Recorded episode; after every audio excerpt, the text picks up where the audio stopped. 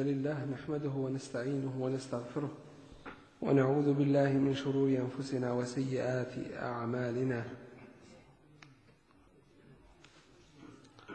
من يهديه الله فلا مضل له ومن يضلل فلا هادي له وأشهد أن لا إله إلا الله وحده لا شريك له وأشهد أن محمدا عبده ورسوله أرسله الله بالحق بشيرا ونذيرا بين يدي الساعة من يطع الله ورسوله فقد رشد ومن يعص الله ورسوله فلا يضر الا نفسه ولا يضر الله شيئا اما بعد فان اصدق الحديث كتاب الله وخير الهدي هدي محمد صلى الله عليه وسلم وشر الامور محدثاتها وكل محدثه بدعه وكل بدعه ضلاله ثم اما بعد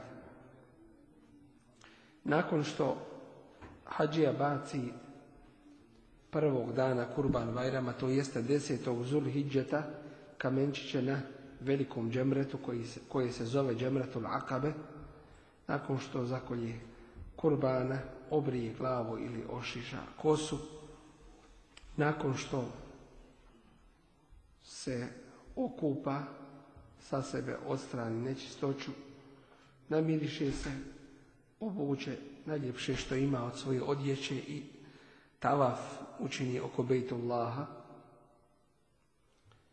To je glavni hađski tavaf koji je rukan ili temeljni dio hađa bez koga hađ nije važeći. Nakon toga vraća se hađija na minu. Da boravi tu 11. i 12. dan i noć Zulhidžeta.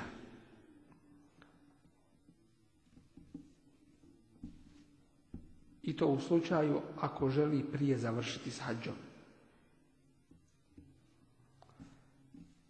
Ili da ostane još 13. dan Zulhidžeta, a to je četvrti dan Kurban Bajrama.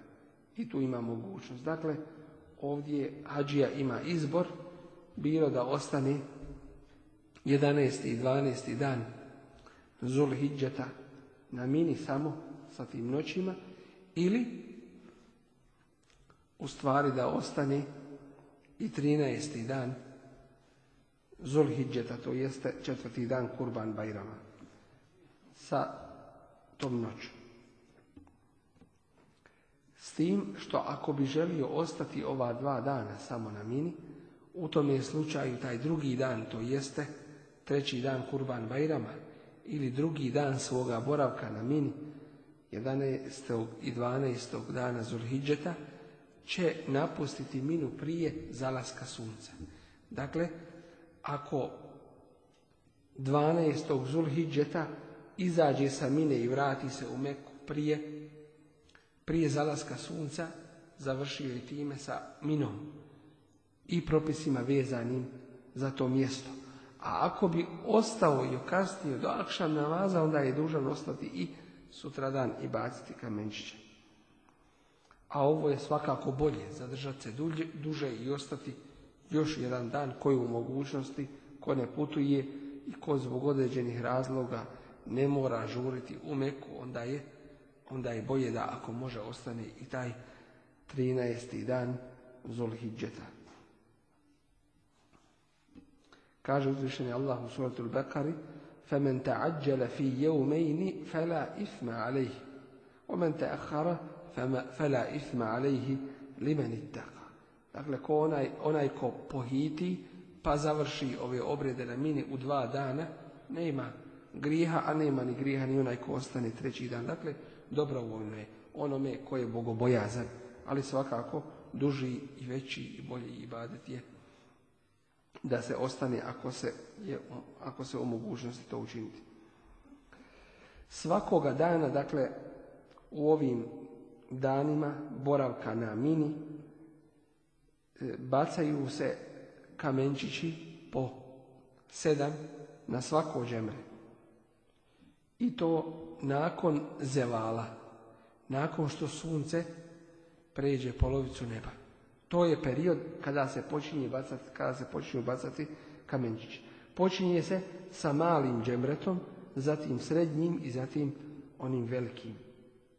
Na svako se, rekli smo, baca po sedam kamenčića. Sa tekbirom kod bacanja svakog kamenčića.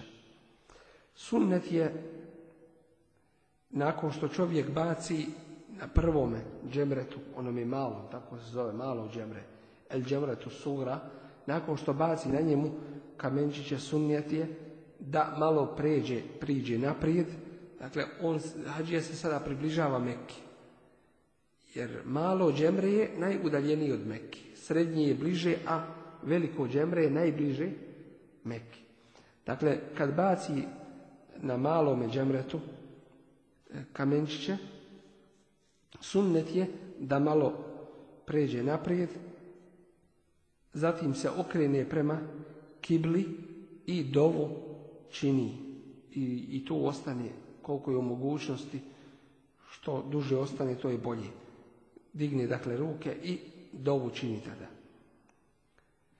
Nakon što se baci kamenčići na srednjim džemretu, isto tako sunnet je da se pređe malo naprijed i da se okrene prema kibli i dovu učini Isto tako dugo čineći dovu e, digne ruke.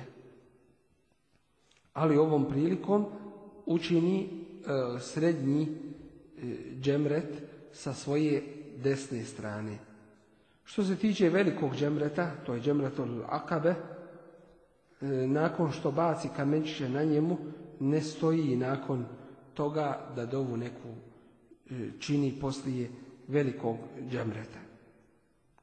Ovo je navedeno u sunenu i od Resulullah sallallahu alaihi ve da je ovako činio. Nakon što hađije završi ove obrede hađa, dakle vidimo da je skinuo i hrame i završio i sa tavafom, e, prije toga Arefat, Muzdelifa. Kada čovjek odredi da ide kući, da se vrati nazad, svojoj porodici, e, vađib je tom prilikom da tavaf učini ponovo. I taj tavaf se zove falaful e, vada, oprosni tavaf. I zatim nakon što je to obavio odmah izlazi iz Mekije. Dakle, neće se, nakon što se obavi tavaful vada, neće se tu zadržavati. E, Hadžija poslije toga više već napušta tada Meku. To je po hadisu koga spominje Ibn Abbas radijallahu anhuma gdje kaže umiren nasu en jekuna ahiru ahdihim bil bejti illa ennehu huffife anil mar'ati l'ha'id naređeno je ljudima da zadnje što budu činili jeste da tavafi kjabu. Dakle, taj tavaf da oprosti tavaf da obavi. S time što je olakšano ženi koja nije to u mogućnosti radi svoga ciklusa. Dakle, u tom je slučaju iz ovoga razumijemo da e, žena koja u svome ciklusu ne ima obaveze da učini ovaj tavaf, tavaf da oprosni tavaf. Ovaj hadis e, od Ibn Abbasa e, je ali ih to jeste spominje ga i Buharija i Muslim. Ostaje nam još nakon objašnjenih propisa hađa da napomenemo samo neka, e, nešto što je vezano za, e, za uopšteno hađ, za ihrame i tako dalje. Ispravan je hađ malog djeteta koje još ili djeteta ili mladića, djevojčice možemo reći ili dječaka koji nisu još e, doživili puno, punoljetstvo. Dakle, koji nisu još postali punoljetni, niti su postali hađom zaduženi. Dakle, ispravan je hađ dječaka i djevojčice koji nisu, koji nisu još postali punoljetni. Jedna žena je došla Allahovom Rasulu, alihi salatu wasalam, i podigla mu e, dijete muško, rekavši, o Allaho poslaniće, ja Rasul Allah, eli hada hađ, ima li ovaj ili ovo dijete, ima li hađ, priznaje li mu se hađ, fa kala sallallahu alaihi wa sallam naam, ima hađ. Wa leki eđer, a ti imaš nagradu za to. Jer ona je uzrokom bila, kao njegova majka, da to dijete hađ obavi. Dakle, priznaje se djedetu hađ s tim što onaj koga odvede ima za to nagradu. Ovaj hadis bilježi imam i muslim. Ali ovdje treba napomenuti da je ovaj hađ ispravan, ali nije to onaj hađ koji im je, e, dakle nije to hađ koji bi stao na, onog, na mjesto onoga hađa kojim je čovjek zadužen. Dakle, priznaje mu se kao hađ, ali ipak je dužan obaviti onaj glavni hađ u islamu, jel kojim je zadužen svaki punoljetni, pametni e, muškarac i žena, musliman, jedan put u svome životu. Koji su o mogućnosti. Dakle, priznaje mu se hađ e, i e, da ga je obavio, ali s tim što treba, dakle nije mu to dovoljno da stane na mjesto onoga glavnog hađa u islamu. Zbog toga što je e, to dijete ili taj dječak i djevojčica što još nisu e, zaduženi ovim propisom. I zato je dužan ili je dužna nakon punoljetstva da obavi farz hađa. E, u situaciji da taj dječak ili djevojčica nisu u mogućnosti nešto da obave od propisa hađa, onda staratelj njihov obavi to za njih. Kao što je, na primjer, bacanje kamenčića i tome slično. Desi se ženama nekada, e, kada su na hađu, toku ovih dana hađa, da su u periodu kada ne mogu uklanjati kada su u svome ciklusu. U tome slučaju žena će učiniti sva E, sve radnje hađa s tim što ona neće tavaf činiti oko Bejtullaha. A to će učiniti, dakle, to će učiniti kada se očisti, a ista je situacija i sa ženom nakon poroda. Dakle, u tom slučaju žena nakon poroda će e, sačekati dok se očisti i onda će tavaf obaviti. Dakle, pitanje je samo hađu i umri, e, toga kada će obaviti tavaf. Inače sve drugi radnje žena može uobičajeno obavljati s tim što ne klanja namaze niti može postati u tome periodu. Neće učiti e, Kur'an, ali će zikrove razne ovaj, učiti u tom periodu. Postavlja se ovdje pitanje da li je dozvoljeno uzimati e, tablete koje odgađaju ciklost žena i tako dalje, e, da bi se ovaj, da bi se e, hađ u određeno vrijeme obavio. Osnova je dakle da e, žena e, ostavi onako kako je uzvišenje Allah stvorio i kako uzvišenje Allah odredi, pa tako da ako je dođe u tome periodu da ne može klanjati, onda će sačekati da kasnije talaf obavi. E, ali postavlja se ovdje pitanje ako bude prisiljena na to, jel' ovaj, dakle zbog putovanja i tako dalje, ne može uvijek rezervaciju avionsku dobiti, mora se u određenom roku vratiti i tako dalje. U tom slučaju, inša Allah, ne bi to smetalo, jer joj dolazi hađu pitanje, jel tako? Ovaj, dolazi joj hađu pitanje, ako ne može tavaf, taj obaviti, a niko za nju ne može taj glavni tavaf obaviti. Vidjeli smo da tavaful da oprosni hađ, joj je oprošten, olakšano joj je. Ali ovaj, ona ga mora obaviti.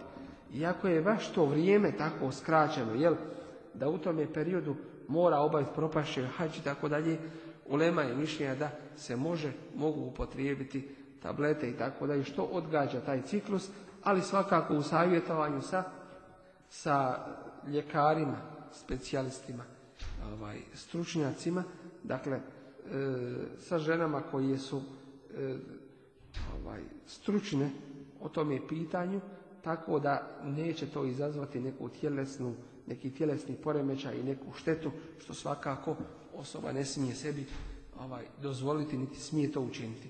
U svakom slučaju najbolje je rješenje dakle da takva osoba odgodi svoje putovanje za nekoliko dana da bi mogla obaviti tavaf i upotpuniti ove propise bez ulaska u ova pitanja štetnosti tih tableta i odgađanja i tako dalje.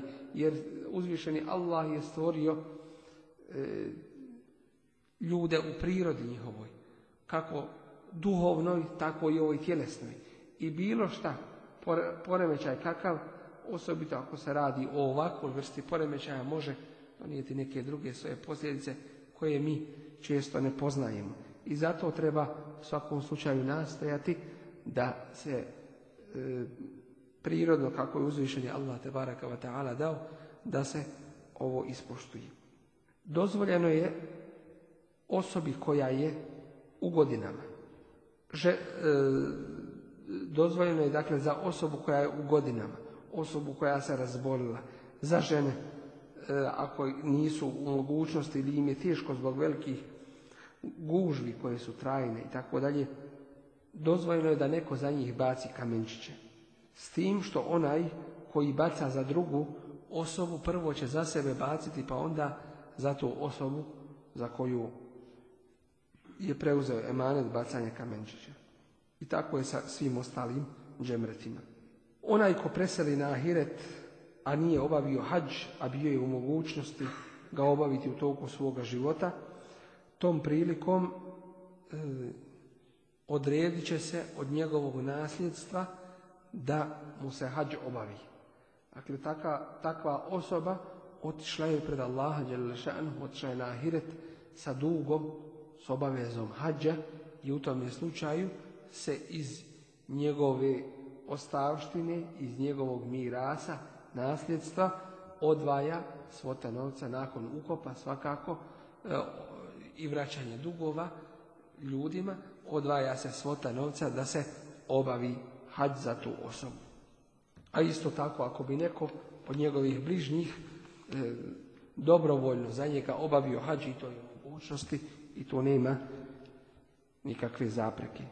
Isto dozvoljeno je osobi koja je ušla u duboku starost, koja više nema snage za ovo putovanje i to da izdrži napore hađa, osobi koja ima bolest za koju nema nade da će se e, da će je se osloboditi. E, u tom slučaju dozvoljeno je da nekoga pošalje za sebe kao bedela, da obavi hađ za njega, iako je još uvijek u životu, ali postoje ove fizičke zapreke koje ga sprečavaju da obavi hađ.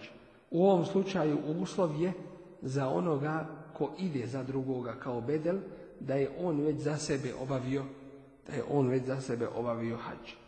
Nema smetnje, postavlja se pitanje, može li žena biti bedal za nekoga, za drugu ženu ili za muškarca i tako dalje. Nema smetnje da i žena bude bedal s tim što treba uzeti u obzir da žena mora sa sobom imati mahrema svoga. Dakle, u tom slučaju treba obezbijediti i ženi i, to, i tome mahremu ono što je potrebno da se obavi hađ.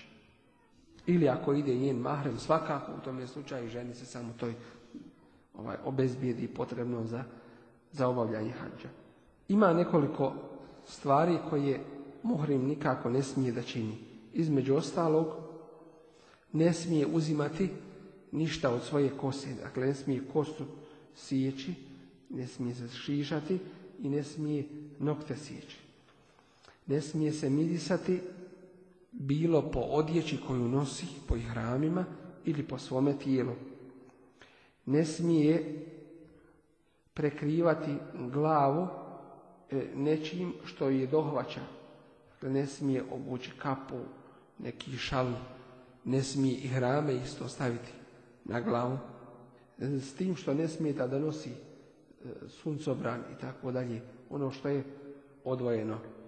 E, neki u ovome pretjeruju, pa ćemo vidjeti da su skinuli sa autobusa skroz ovi, skinuli su krovove sa autobusa i tako dalje, a to ovaj, to nije od propisa. Dakle, nema smetnje da čovjek uđe pod šator, nema smetnje da bude pod suncobranom, da bude u autobusu, kolima i tako. Da to se ne smatra, dakle, da je pokrije svoju kosu. S tim što svakako žena se pokriva nije dozvoljeno tom prilikom se oženiti ili udati. Ili nekoga drugoga oženiti ili udati ili zatražiti hutbu, dakle učiniti, zatražiti ili prošnju što se kod nas kaže. Zatražiti nekoga za udaju ili za ženu. Nije dozvoljeno tom prilikom da se čovjek sastaje sa svojom ženom i sve ono što vodi u to. Muškarcu nije dozvoljeno da oblači odjeću koja je šivena e, i onu odjeću koja je po tijelu krojena, dakle prema dijelovima tijela što se oblači na ruke, na noge i tako dalje. Ovo je dakle posebno e, i karakterično samo za muškarce.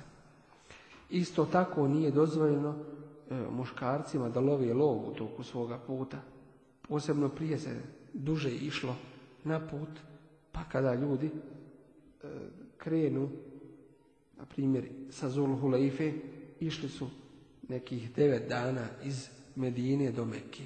Na je putu sretali bi svakakav lov, nisu smjeli ga oni loviti niti ukazati ili pokazati drugome da lovi. Nije dozvoljeno dakle loviti u toku e, i hrama i to je karakteristično samo za kopneni lov.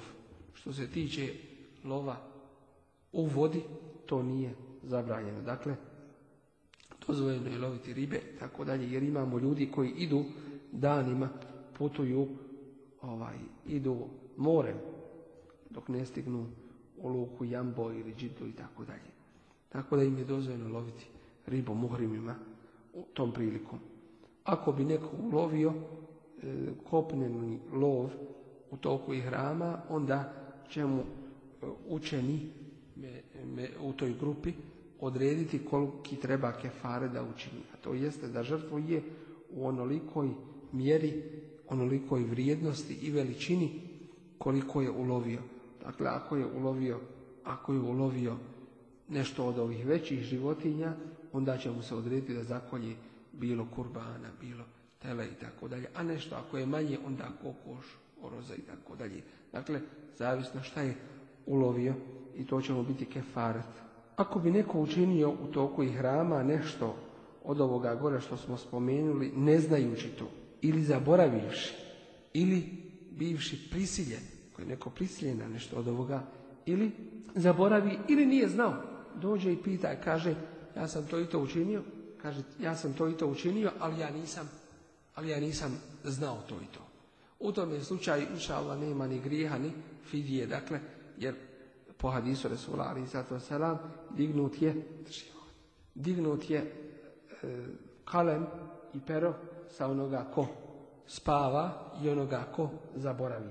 A onaj ko to namjerno učini, u tom je slučaju pitaće lemu najbližu tu šta će učiniti da bi se riješio grija, dakle kakvu fidiju će dati. Ovdje se postavlja pitanje ako bi čovjek ostavio nešto u toku hađa od ovoga što je spomenuto, šta treba da učini. Tom prilikom će pitati u lemu, dakle najbližu, šta treba da učini. Ako je uradio jedno ili je ispustio drugo i tako dalje, tako da u ovome slučaju uvijek je potrebno da ima nekoga uza se taj hađija koji obavlja tom prilikom hađ, da može pitati, kao što kuranski ajet kaže, elu ehle zikri, in kuntum la ta'lamun. Pitajte one koji su učeni, koji znaju, ako vi ne znate. Ovom prilikom, dakle, e, ovim se završavaju propisi e, umre i hađa.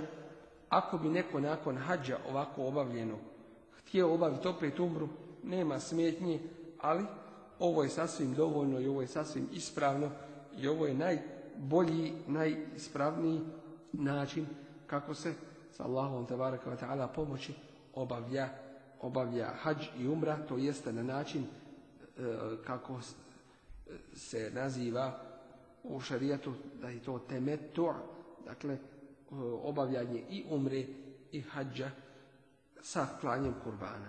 Inša Allah nama ostaje ovdje da se pojasne neki praktični dijelovi vezani za hađa, a to ćemo inša Allah u sljedećem našem kazivanju. E, svakako da čovjek koji se vraća sa hađa, vraća se sa jednog velikog ibadata Allahu šanu osjeti na sebi da je drugačiji i njegovo ponašanje treba da je svakako drugačije jer je obavio jedan veliki ibadet i od znakova da je određeno dobro djelo primjeno kod uzvišenog Allaha jeste i to da čovjek kada izađe iz toga ibadeta, kada ga završi, bolji je draža su mu dobra djela, poveća i badete i tako dalje.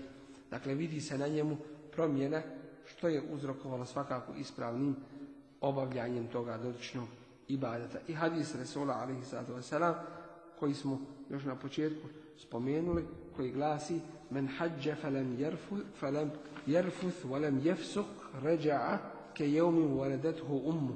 Onaj ko obavi hađ ne čineći u njemu grijeha, niti govoreći bilo šta ružno, niti radeći po tome, taj se vraća svojoj kući kao na dan, kao na dan kada ga je majka rodila čistog od grijeha.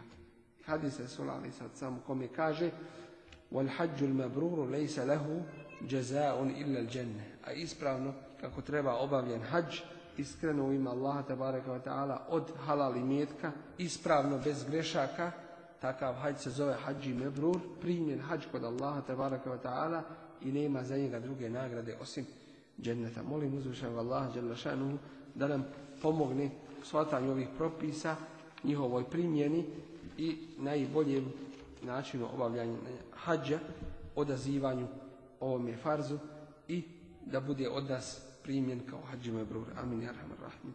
سبحانك اللهم بحمدك اشهد ان لا